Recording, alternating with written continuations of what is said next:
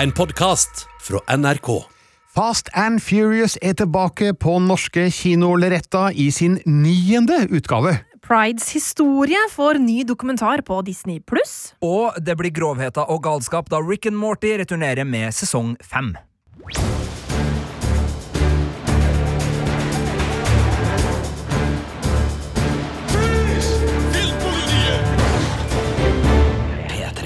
Her i studio, Birger Vestmo. Marte Hedenstad. Og Sigurd Vik. Og det skal handle om Fast and Furious aller først, og det er jo 20 år siden den første The Fast and the Furious kom på eh, kino, og det er jo sjukt å tenke på! Hæ? Det er. Oi, nå ble jeg helt satt ut. Jeg visste det var lenge siden, men jeg tenkte kanskje sånn ti år. tenkte jeg. Er det 20 år siden? Ja, det er helt riktig. Oi! I november 2001 hadde den første premiere, og jeg har gravd i arkivet for å finne ut hva syntes jeg om den, og det viser seg at eh, jeg var heller lunken. Don't do it. I bet you he's got more than 100 grand under the hood of that car.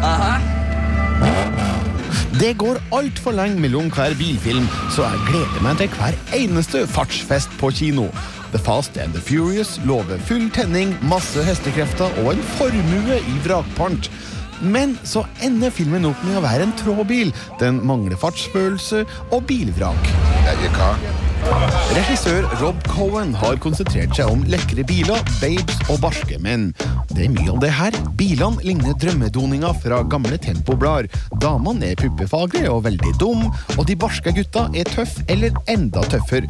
The Fast and the Furious drukner nesten i klisjeer. Jeg hadde godtatt alt det her dersom filmen i tillegg hadde nok fartsfylt bilkjøring og saftige krasjestunts. Men her gjøres den store tabben. Det er altfor lite bilkjøring i filmen. Hallo! Det må da være bilkjøring i en bilfilm! So what do you want? Anything, Og jeg kan si nå i 2021 at det ble terningkast tre til den første The Fast and the Furious.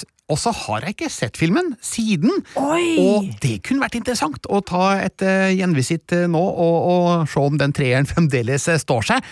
Eller om jeg da, sett i lys av alle de filmene som har kommet i kjølvannet, kan kanskje ha en litt hyggeligere opplevelse av den første filmen enn jeg hadde da for 20 år siden. Hvilke minner har dere fra den? Eh, Jeg mener å huske at det her er fra en tid da jeg jobba med videoutleie eh, på den lokale bensinstasjonen eh, Klæbu bil og bensin. Og da skulle man jo tro at Klæbu bil og bensin og Fast and Furious 1 var en god cocktail, og jeg minnes jo det her som kul underholdning, men altså, det er jo ikke en av de filmene jeg har uh, snurra jevnlig i spilleren eller har et veldig sterkt forhold til. Men sånn, i den der sjangeren uh, Det er stort, det er dyrt, og det er kult hvis du skal samle en vennegjeng, sånn finn på en måte minste felles multiplum, så har jeg liksom alltid Fast and Furious, til tross for at serien har endra seg kraftig, og det skal du vel komme inn på, yep. gjennom de 20 årene til hva det nå er, så har det liksom alltid vært uh, ganske trygge uh, filmvalg, i hvert fall deler av vennegjengen min. Ja. Du veit du kommer til å bli underholdt. Jeg husker også at jeg likte den filmen her da den kom. Jeg tror ikke jeg så den på kino, det har jeg ikke noe minne fra, men jeg husker å liksom ha leid den, eh, og at jeg syns det var gøy, liksom. Og jeg har nok sett den to-tre ganger, eh, men det begynner å bli ganske mange år siden sist eh, jeg så den, altså. Ja, den introduserte jo mange for eh, Vin Diesel og Paul Walker. Altså, Vin Diesel hadde jo allerede gjort seg bemerka i Pitch Black, og var jo en rising star, mens Paul Walker han var et nytt bekjentskap for min del, i hvert fall da jeg så The Fast and the Furious. og i eh, anmeldelsen min den gangen skrev jeg at han var en svak skuespiller, og eh, ja, nå er jo det slemt å si, da, siden han ikke er med oss lenger, dessverre, men han har kommet seg da gjennom eh, serien, syns jeg absolutt, og han eh, fant sin plass i sagaen, mens Vin Diesel har jo bare reindyrka muskelberget sitt fra den første filmen og fram til nå. Men som du er inne på, Sigurd, så har jo hele persongalleriet og hele estetikken i disse filmene bare forandra seg totalt fra den første, som jeg beskrev som et eh, gatebildrama med mye prating og eh, skuffende lite kjøring. Eh, De har tatt igjen for det. Nå er det mye kjøring og mye action, og ikke så veldig mye prating. La oss bare ta en liten gjennomgang av alt som har skjedd i Fast and the Furious-universet. Altså, I den første så spilte jo da Paul Walker Brian for første gang. En ung mann som kom seg inn i gatebilmiljøet der Vin Diesels eh, Dominic Toretto var konge. og så viste seg jo at Brian var undercover eh, og hadde egentlig tenkt å um, ta rotta på disse gatebilfolka, og så um, endrer vel alliansene seg litt underveis i filmen, eh, slik at eh, Brian også da havner ute på skråplanet etter hvert, der vi vil ha han, selvfølgelig.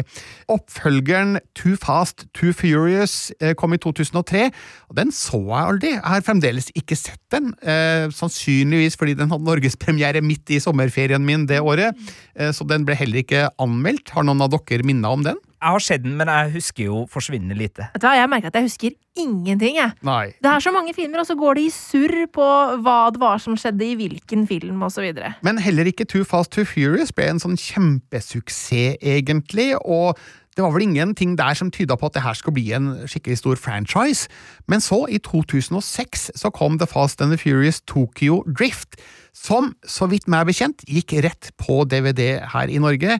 Jeg så den, i hvert fall ikke på kino, og jeg tror ikke den ble satt opp eh, på vanlig kino i Norge. Men så ble det en såkalt eh, sleeper hit. Eh, Har vi en god norsk betegnelse for det?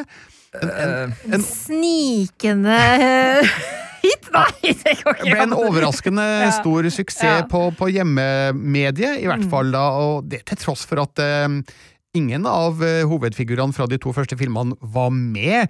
I stedet så er det Lucas Black som spiller hovedrollen som Sean Boswell, som flytter til Tokyo og blir involvert i drifting-miljøet der.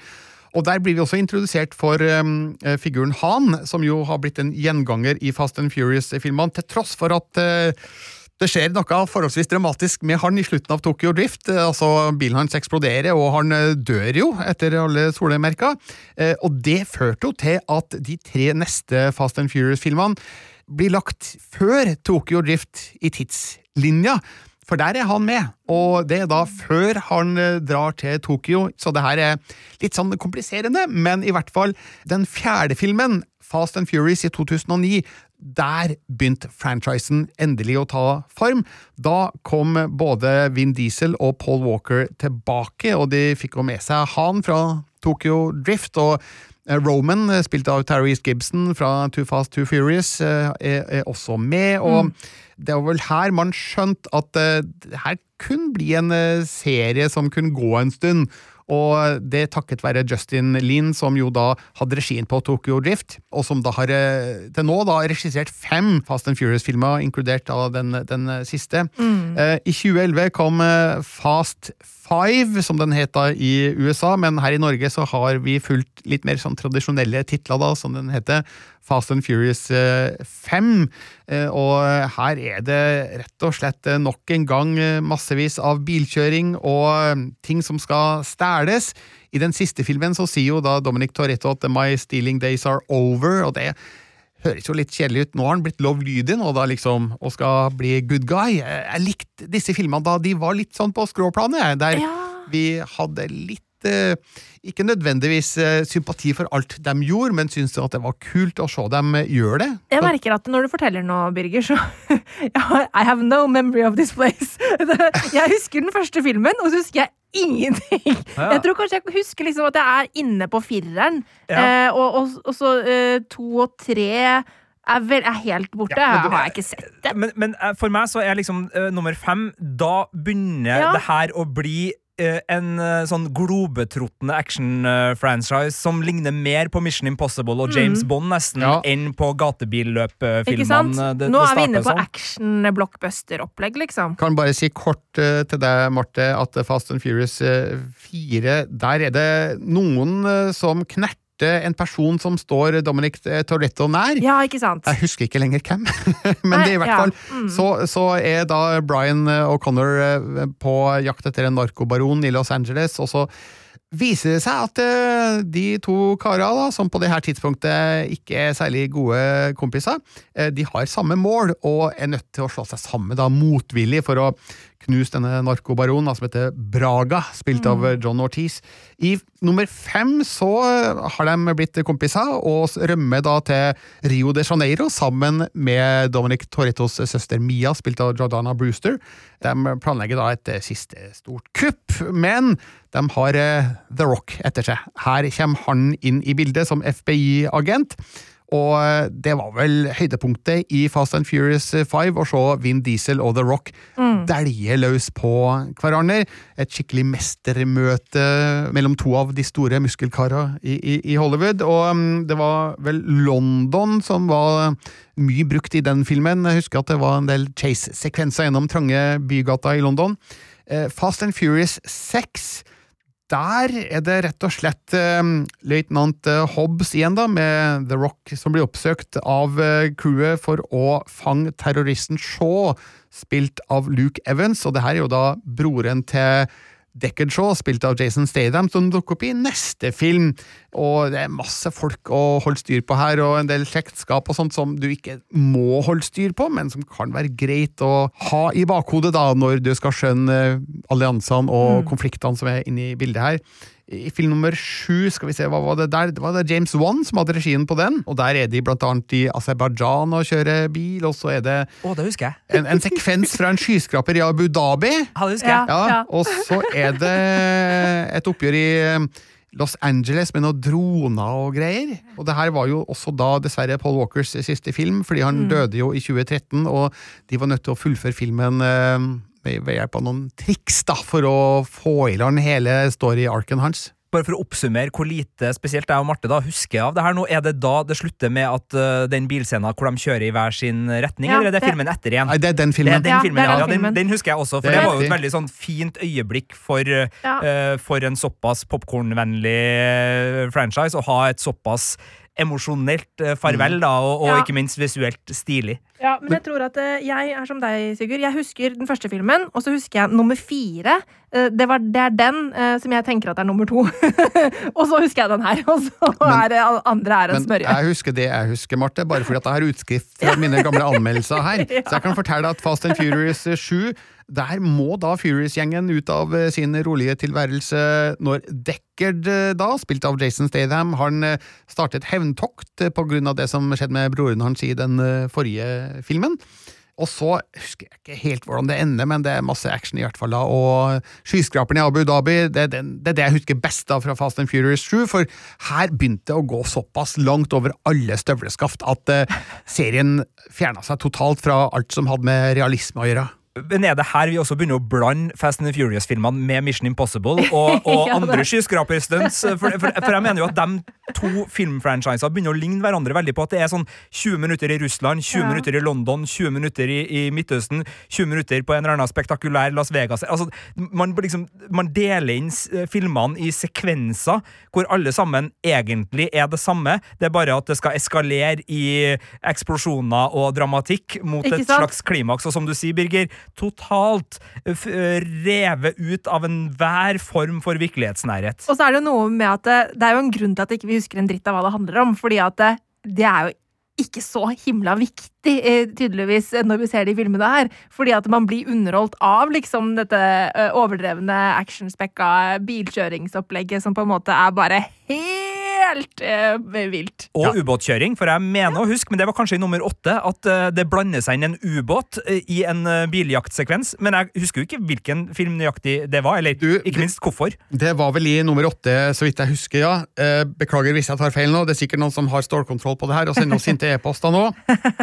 Men i den forrige filmen, altså nummer åtte, så får jo Furious-gjengen da et oppdrag av agenten som heter Nobody, spilt av Kurt Russell. Nå er da Dominic Toretto AWOL, eh, og han har tydeligvis skifta side og står nå i ledtog med eh, hackerterroristen Cypher, spilt av Charlize Theron, som også er med i film nummer ni. Og eh, ikke minst hennes håndlanger Rhodes, spilt av Kristoffer Hivju. Og det var jo morsomt for oss å se Hivju i en såpass eh, stor eh, actionfilm, selv om altså, rollen hans er ikke den største, men han slår godt fra seg, og så har han en avgjørende funksjon i filmen. Har jeg skrevet i anmeldelsen min? For jeg husker ikke lenger akkurat uh, hva det her uh, dreier seg om. Men i hvert fall, her er vi på den rundreisa i verden du snakker om, uh, Sigurd, fordi de er da blant annet i Havanna, i Los Angeles, New York, Berlin, og så er de i Russland, og jeg tror det er der ubåten kommer inn i bildet. Og så eh, må de også få med Deckard Shaw, spilt av Jason Statham. Og etter åtteren, så kom jo spin-off-filmen som du har anmeldt, eh, Sigurd. Ja, det stemmer. Uh, Hobbs and Shaw-filmen, hvor uh, de to drar på egne eventyr igjen. Uh, globetrottende opplegg, hvor de blant annet ender opp på The Rock sin hjemmebane. og, til, og de, den syns jeg var kul. jeg ga den terningkast fem. Jeg storkosa meg. Den er litt sånn frigjort fra uh, Fast and Furious-rekka, sjøl om den selvfølgelig like gjerne kunne ha hett Den kunne ha hett Fast and Furious 9. Mm. Bare at det ville sikkert ikke Vin Diesel uh, ha noe med, og det var jo også rykter om at det var en, en liten såkalt bust-up mellom mm. de to store stjernene Vin Diesel og The Rock, uh, uten at vi i Filmpolitiet har kilder eller skal gå noe nærmere inn på akkurat den type konfliktstoff fra det store Hollywood.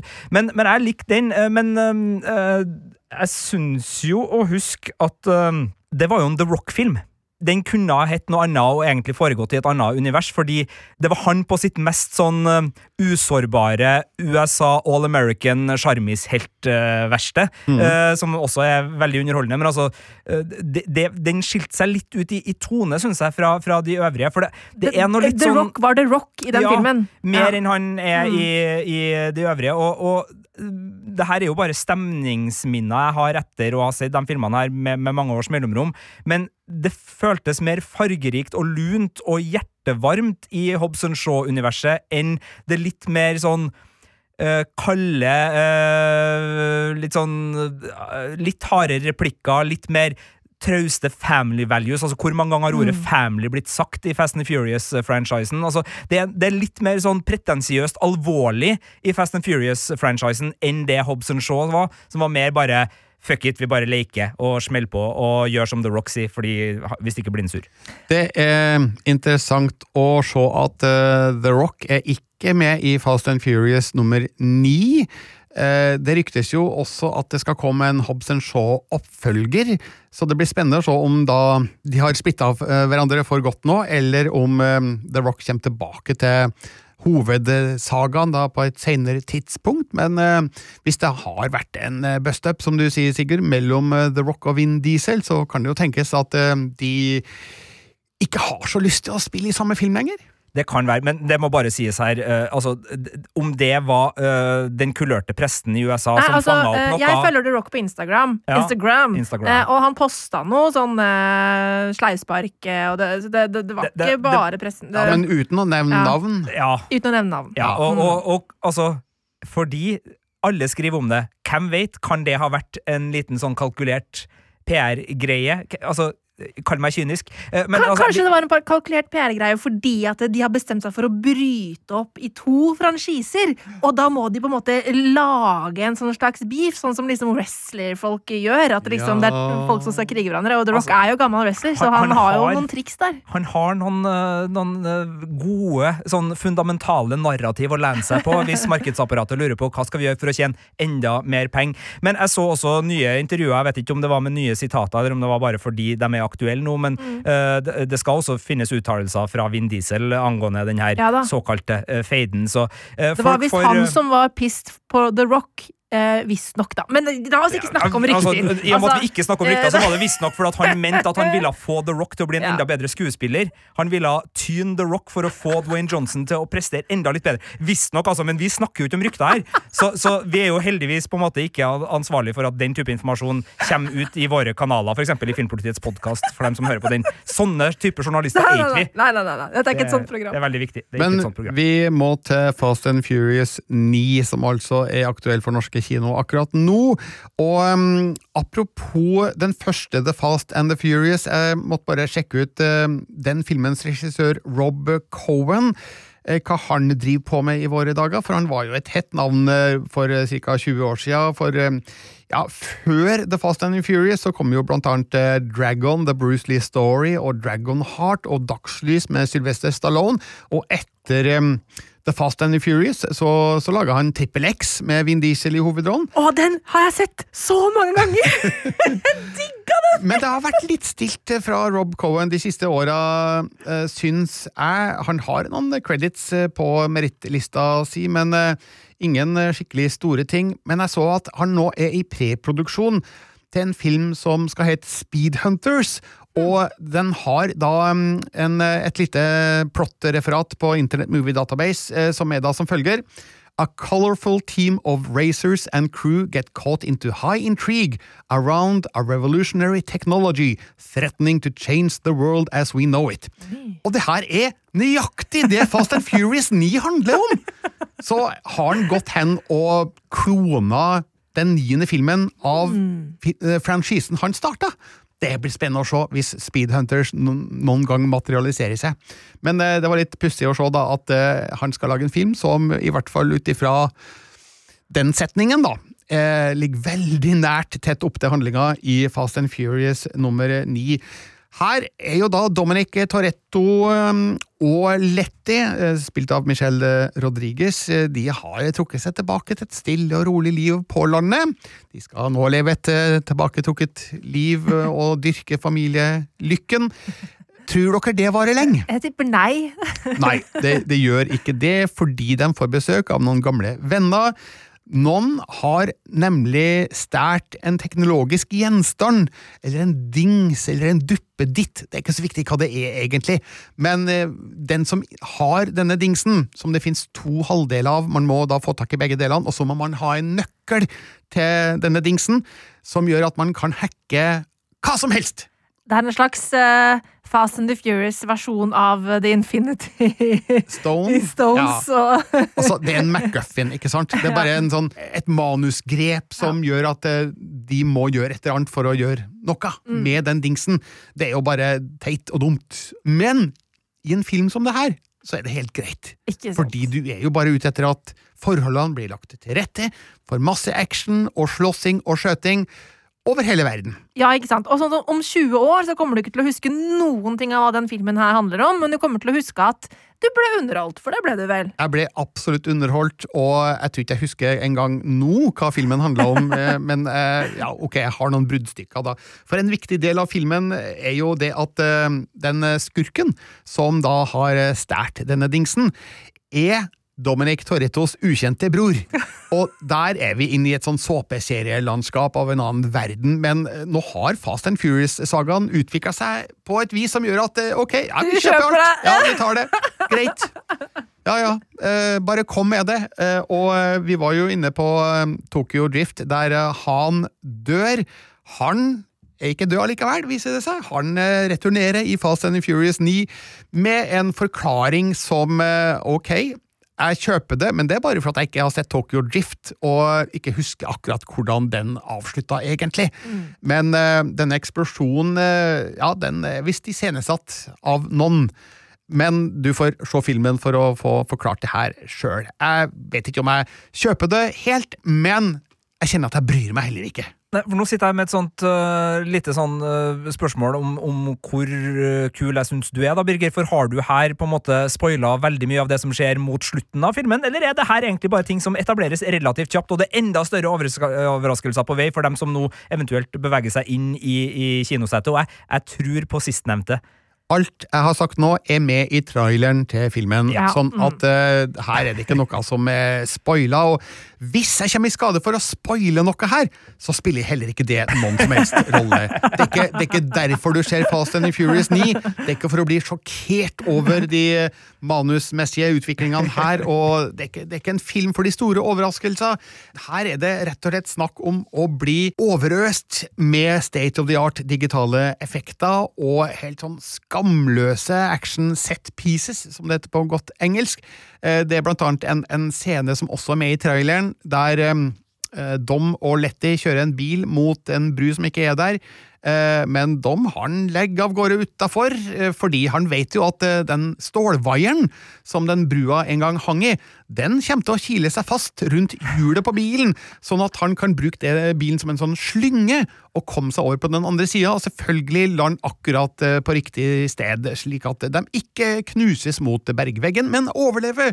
Og det her skjer helt i starten av filmen, så, men det er bare sånn helt sånn gale-Mathias-teit, ikke sant? Det er bare blotta for enhver virkelighetssans. Men igjen, det er ikke viktig, du bryr deg ikke om det, for det ser kult ut. Men det der syns jeg er fascinerende, for uh, jeg husker jo at jeg og du, Birger, vi var og så den norske, kalle uh, uh, varianten av Fast and Furious-franchisen, altså Burning-film nummer tre. Og der var det et bilstunt hvor de klarer å manøvrere seg ut fra en container til sjøs Ja. eh, til land, som jeg syns Den ble for teit. Altså, den, den, den, øh, den, gikk liksom for langt i øh, å bare være sånn Den, føltes parodisk mot Fast and Furious-type greia, og det er jo øh, greit nok, det, men, men den hadde liksom ikke den der wow-faktoren som klarte å holde det i et slags fiksjonstroverdig engasjert, actionfråtsende opplevelses... ja, Jeg vet ikke hvilke ord jeg skal bruke til slutt, her, men altså sånn, jeg, jeg, den irriterte meg litt i kinosalen. Men samtidig, når du forklarer denne scenen, så er jo det en scene som, jeg, som har like liten fiksjonstroverdighet, men som jeg liksom merker at jeg blir, jeg blir engasjert av den og spent på den. Sånn, ja, hvordan, hvordan klarte de det? Klarte de det? Hva er forskjellen på sånne type scener, og, og hvorfor klarer Fast and Furious ofte å lande sin nesten sånn sjølparodierende stil på eh, fire hjul på andre sida? Ja, Det er et godt spørsmål, fordi jeg tror det har å gjøre med at Fast and Furious-sagaen over tid har bare utvikla seg i den retningen, der eh, fantasien får eh, løpe fritt, mens de norske Burning-filmene er fremdeles rotfesta litt i norsk realisme, kan vi si det.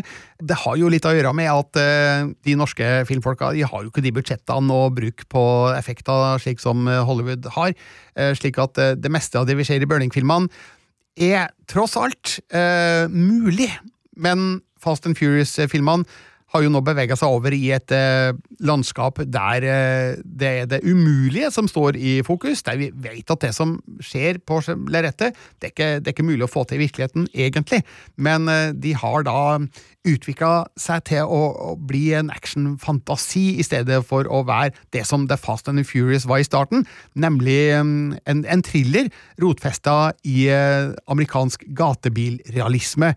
Og der har du vel forskjellen. Jeg vet ikke om vi vil at Burning-filmene skal utvikle seg til å bli eh, mer fantasifulle enn de allerede er, for jeg syns jo at det er litt gøy og da at de henvender seg til det norske gatebilmiljøet på en måte som eh, kan virke realistisk, sjøl om settinga er en smule fantasifull også i Burning. Men jeg kjøper forklaringa di fullt og helt, og, og du, du treffer nok uh, spikeren på der. Sjøl om begge liksom kanskje har likt utgangspunkt, så har de utvikla seg i så ulik retning. Og, og det er det der uh, bruddet med resten som kanskje gjorde at jeg satt med en liten sånn Altså, Jeg kosa meg med, med Burning-film nummer tre. Det, her, er- det er ikke en uh, kritikk mot den filmen, men akkurat den scenen husker jeg var litt sånn Nei, det blir for dumt. Saklig! Det blir for dumt. Saklig. Mens hvis det hadde skjedd i en Fast and Furious-film, så hadde jeg sikkert bare sett sånn Ja, og så litt mer popkorn, takk.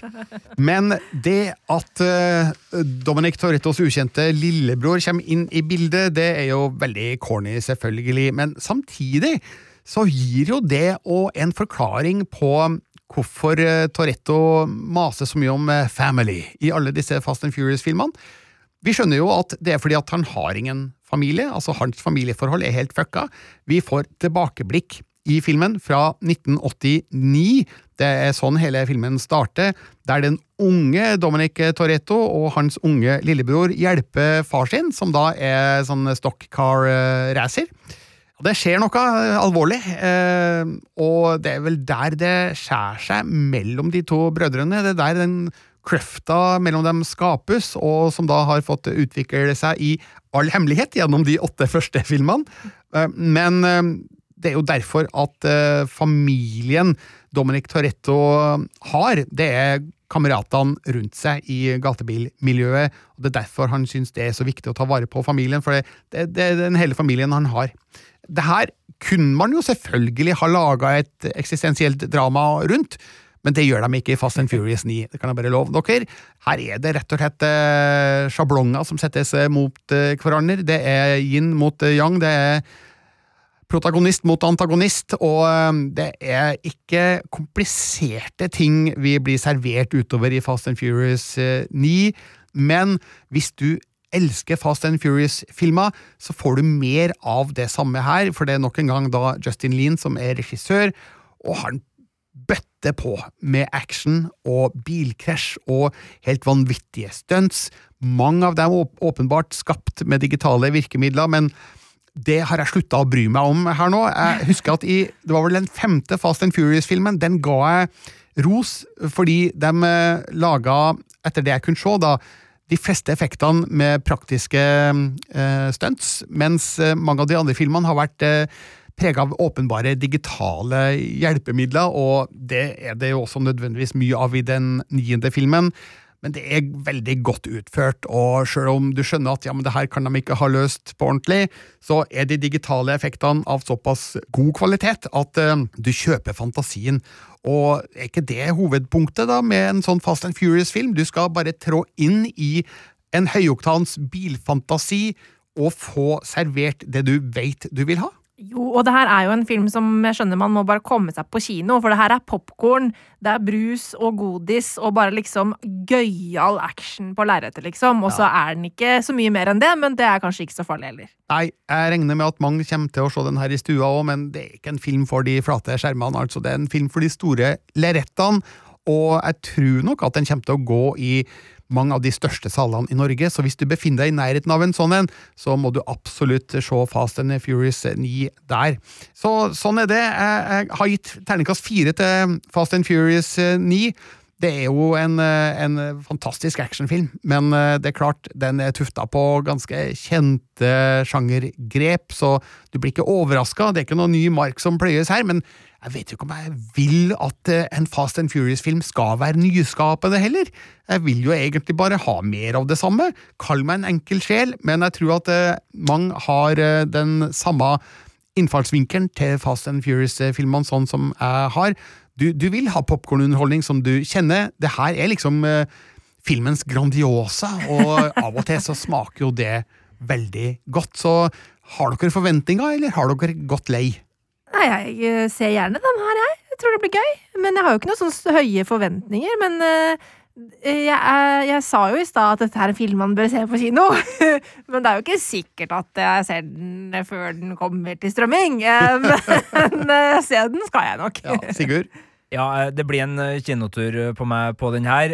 Men det er litt også fordi nå er det lenge siden noe tilsvarende har gått på kino, så jeg merker jo at Uh, I en kinosommer hvor Top Gun Maverick, Dune, uh, James Bond, No Time To Die og et par andre store filmer som kunne ha vært der nå, ikke kommer før til høsten, så er vel det her liksom den, den som virkelig får den der uh, attraksjonsvibben i meg mm. til å, å, bli nysgjerrig. Så, så bare for å kjenne på den delen av kinogleden igjen, så kommer jeg til å stikke. Det er mulig i en annen kinosommer at jeg hadde, hadde et mer lunkent forhold. For jeg merker jo sånn handlingsmessig det du beskriver, Birger. Det, det er ikke sånn at tempelgene mine går i fyr og flamme av det, altså. Uh, og jeg, heller, jeg blir også litt matlei av liksom 20 minutter der, 20 minutter der, 20 minutter der. Altså den der sekvensformen som en del av de her eh, filmene har, har begynt å ta, hvor det blir veldig forutsigbart, og man kan liksom sitte og Altså, man får ikke magekribling og spenning, egentlig, for at man ser på klokka og ser sånn, ja, det er jo én time igjen, vi har vel tre uh, locations igjen og, og søvnfar før det skal begynne å virkelig bli interessant på enten eller. Men uh, ja til kino, ja til Fast and Furious 9, nei til eh, virkelig magekrøbling, men ja til attraksjonsglede. Og det er det du får i Fast and Furious 9, Sigurd. Da forlater vi den filmen og skal videre til noe helt annet, Marte. Det skal vi, fordi juni er jo pride-måned, og det går jo ikke upåakta hen, heller, heller ikke hos Disney. Eh, og på fredag så er det en ny premiere på en ny dokumentar, nemlig Pride. Listen to the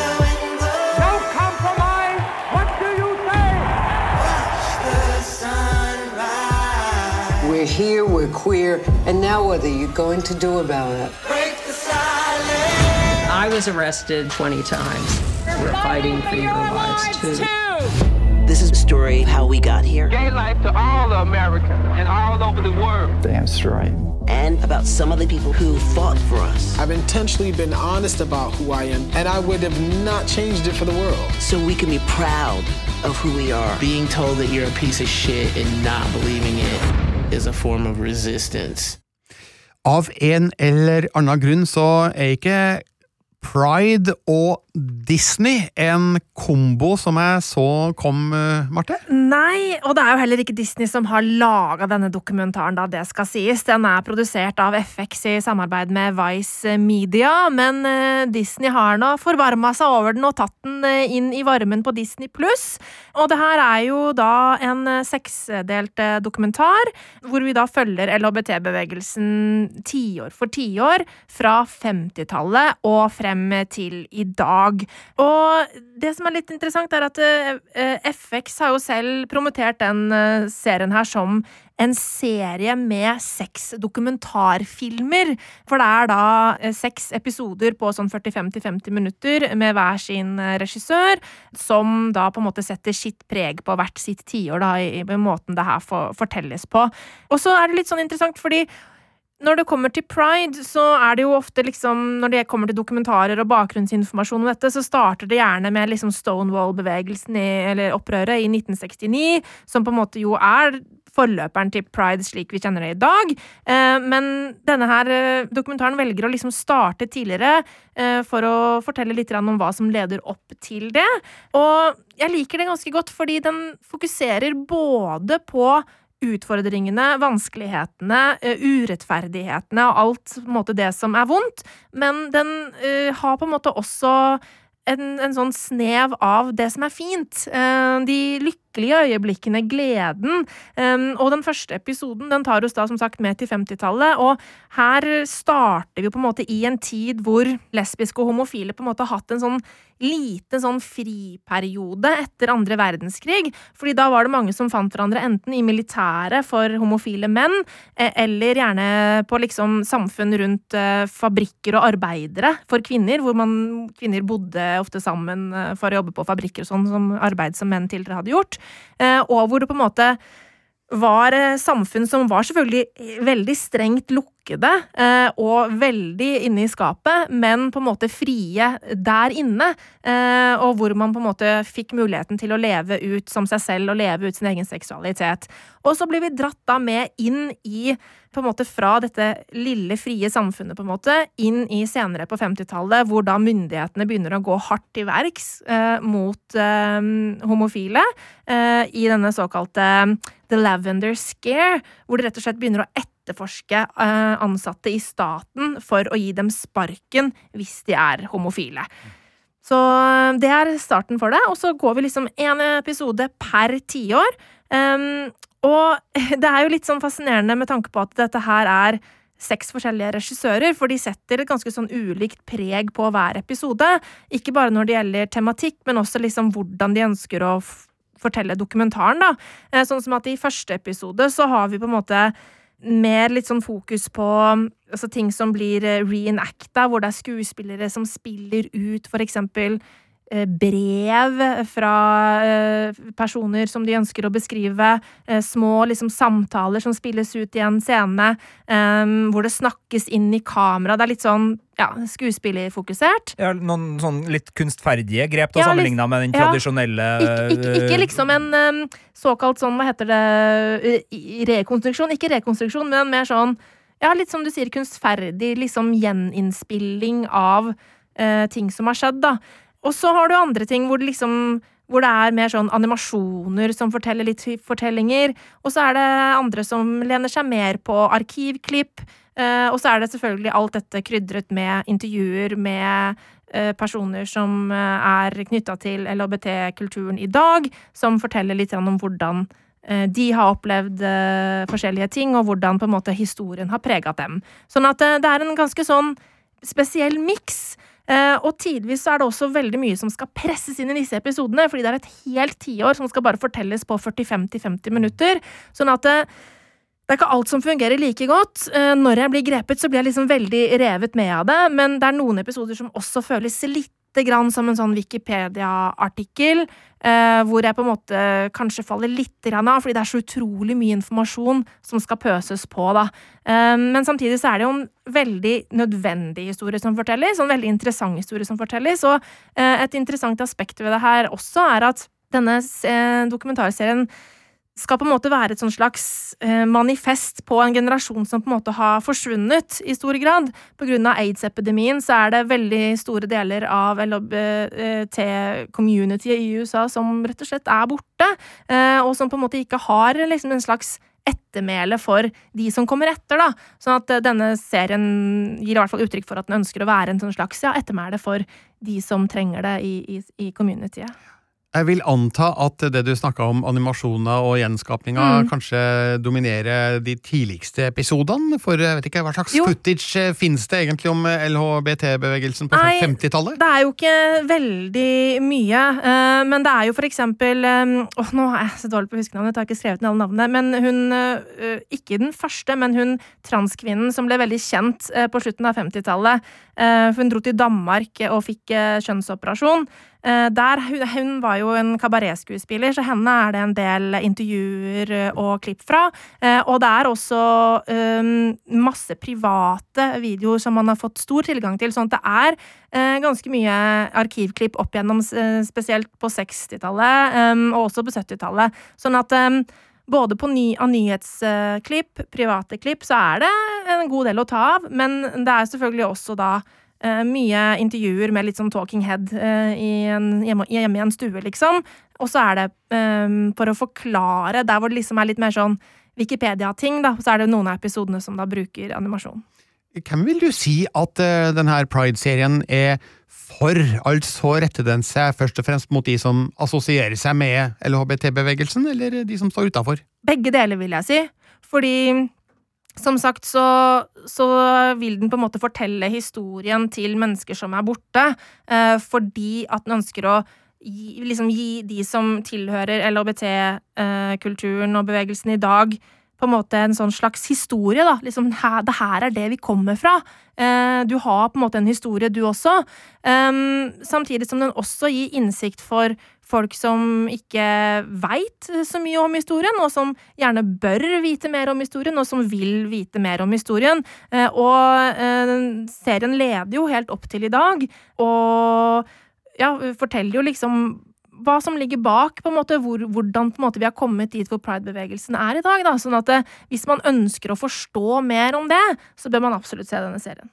Blir det stort sett et amerikansk perspektiv på Ja. liksom, uh, kampen som har foregått der, eller klarer den å, å utvide fokus? Uh, og, Den, og, den er stor, det er et amerikansk perspektiv på det her, absolutt. men men føles den likevel altså, Den er ikke øh, altså, Den blir ikke navlebeskuende i et amerikansk perspektiv. Altså, det, det, Nei da, Det, sånn eh, er det jo med borgerrettighetskamper også.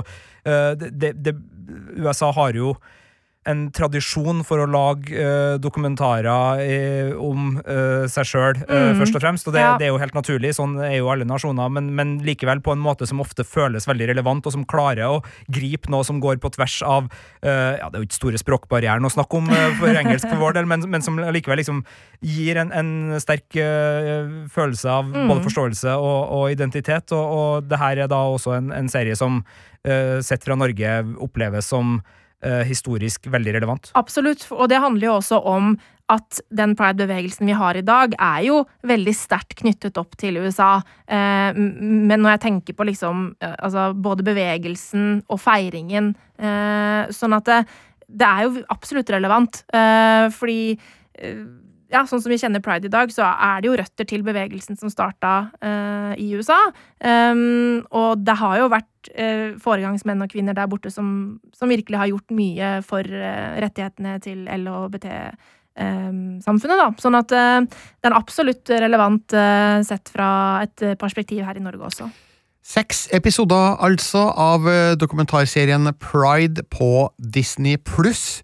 Og her er det vel rett og slett bare å komme seg til en TV-skjerm hvis du har lyst til å få virkelig eh, informasjon, historisk informasjon, om pride-bevegelsen i pride-måneden juni. Absolutt. Da sier vi at nå er det Sigurd Viks tur eh, for å snakke om noe helt annet. Igjen. Ja, men i eh, en serie som også foregår i alle regnbuens eh, farger. eh, Bare litt mer av den grove og, og helsprø varianten. Altså animasjonsserien Rick and Morty er i gang med sesong fem. Rick and Morty, you are under arrest and surrounded by an anti-portal shimmer. It's showtime. Someone out there is trying to kill us. Someone's always trying to kill us. Rich ass. Sorry? Who is that? Now what? Now we go, go Team, team Go so, so listen up, a!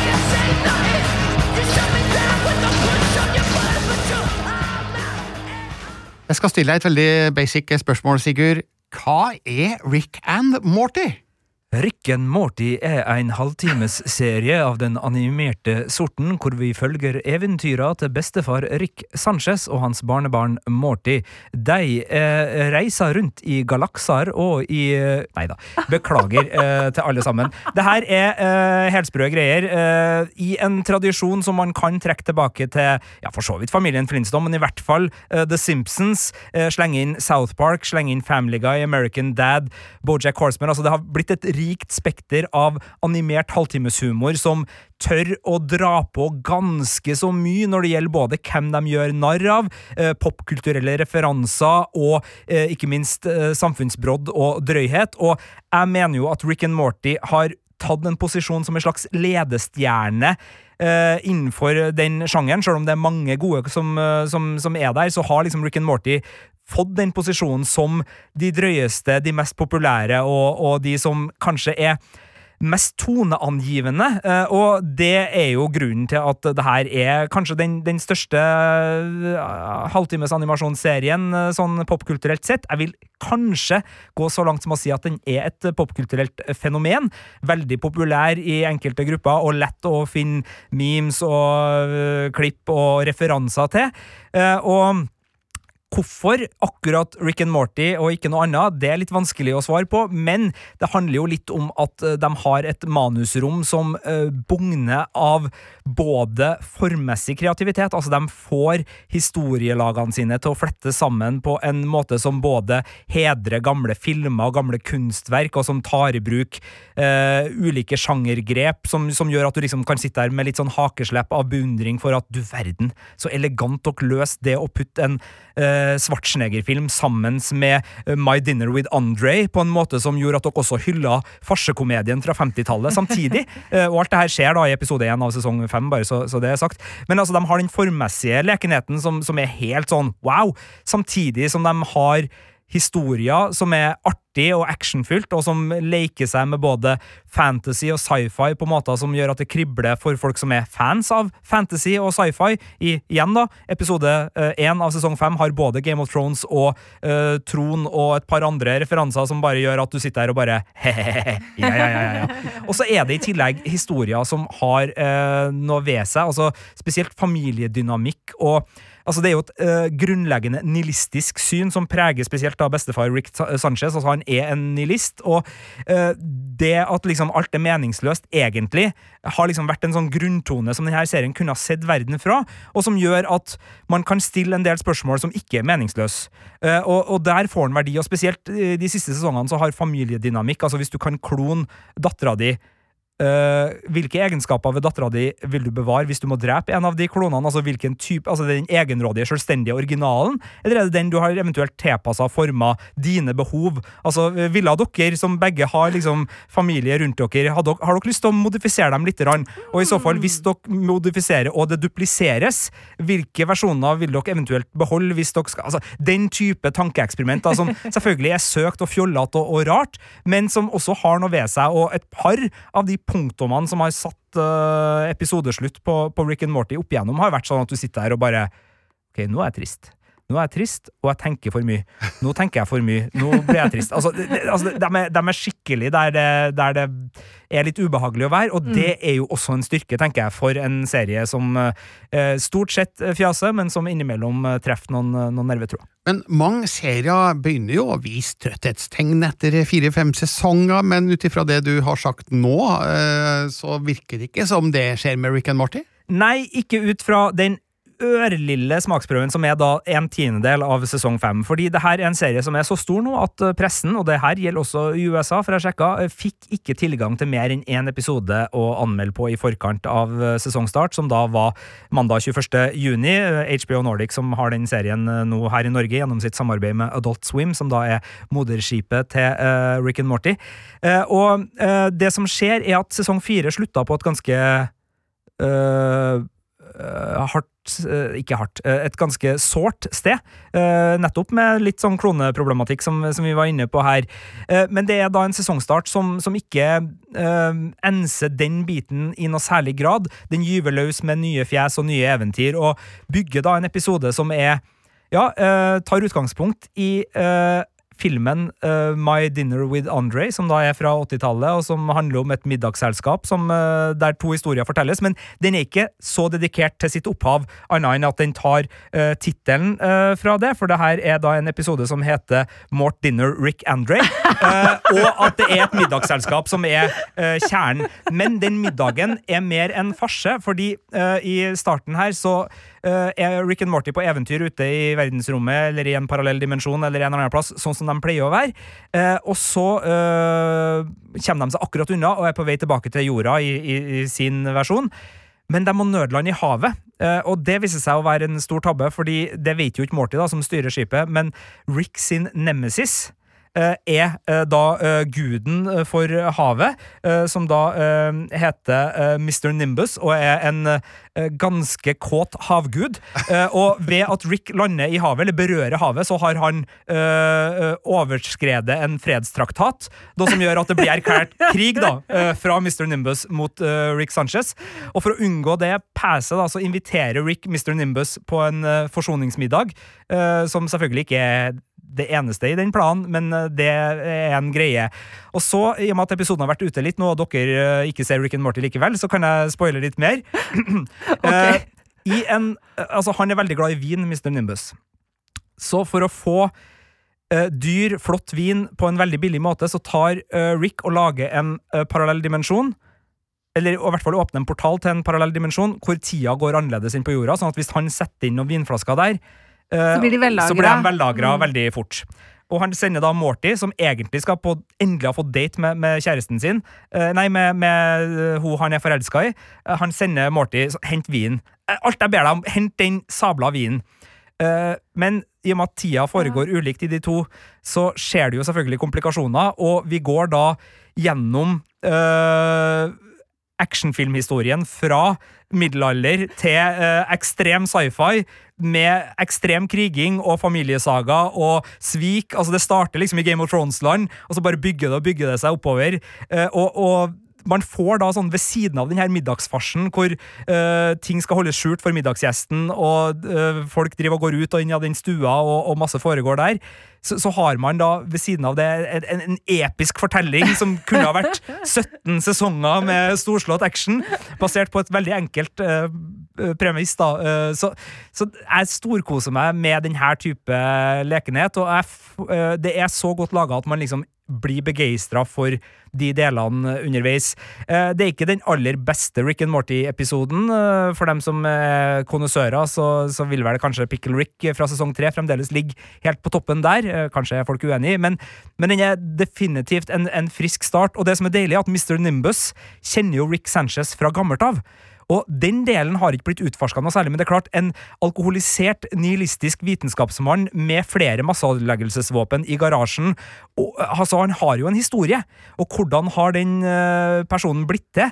Uh, vi får noen drypp i den første episoden som gjør at vi kanskje nå aner for sesong fem at vi skal litt tilbake i Ricks historie, og det, det tenker jeg er liksom en del av den marka som ikke er pløyd ennå. Fordi det her er jo en serie som har blitt fornya med 70 nye episoder. Og det her er bare de ti første av de 70 episodene. Så, så det er jo et veldig langt spekter som nå skal liksom eh, fylles for Rick and Morty hvis de skal fortsette med her, samtidig som de mister en del manusforfattere. Blant annet så har én gått eh, til Loki, eh, som nå driver og lager Loki-serien, og skal, skal lage den neste Doctor Strange-serien, så det avler jo på en måte en del hjernekraft som går videre. De driver jo sjøl Det er jo to serieskapere her som eh, da heter eh, Justin Roland og, og Dan Harmon, og en av dem har jo også laga Solar Opposite, som går på Disney Pluss, en Hulu-serie. Så det er klart, det er veldig sånn du blir ettertrakta når du gjør noe bra, og, og hvordan de skal liksom klare å kombinere det å være ettertrakta og gjøre andre ting. Jeg tror også de har flere serier på, på trappene. Uh, det, det er en stor utfordring, i uh, hvert fall når du da har liksom har akseptert en 70-episoders kontrakt Ja. fra sesong fire, tror jeg, og, og oppover. Men, men det her ser lovende ut. altså De, de, har, ikke, de har ikke liksom rota bort seg sjøl. altså Family Guy også fikk jo American Dad og The Cleveland Show en periode, og, og ble litt daffer av det, syns jeg i hvert fall. da. Men Rick and Morty har ikke blitt daffer av å eh, dele på det kreative sentrumet som de har bygd opp i løpet av de fire første sesongene. Da blir det spennende å se om de klarer å holde det oppe da, i 70 eh, episoder til. Ja, Ti om gangen, da, Marte. Jo, jo. Men det var i hvert fall en helhjerta anbefaling fra deg, Sigurd. Eh, Solar Nei. Nei. Ikke Solar Ja, det Opposites. også. Det òg, ja. Men Rick and Morty sesong fem, episode én, vel å merke. Og kan du gjenta hvor ser man det her? Det ser man på HBO Nordic. Sesong 1-4 ligger også på Netflix, hvis man eh, ønsker å, å sette i gang og ikke har HBO Nordic, for eksempel, men har Netflix. Det er 15-årsgrense på det her, og det er en helhjertet anbefaling fra meg til alle som liker helsprø eh, sci-fi og tåler store doser kroppsvæske og grov humor. Denne podkasten er historie. Hør oss også på P3 hver søndag fra 12 til 15. Du kan lese alle våre anmeldelser på p3.no filmpolitiet. Du kan sende oss en e-post på filmpolitiet alfakrøll.nrk.no. Og så høres vi igjen på denne podkasten om en ukes tid. Vi er Birger Vestmo. Marte Hedenstad. Og Sigurd Vik. Du har hørt en podkast fra NRK. Hør flere podkaster og din favorittkanal i appen NRK Radio.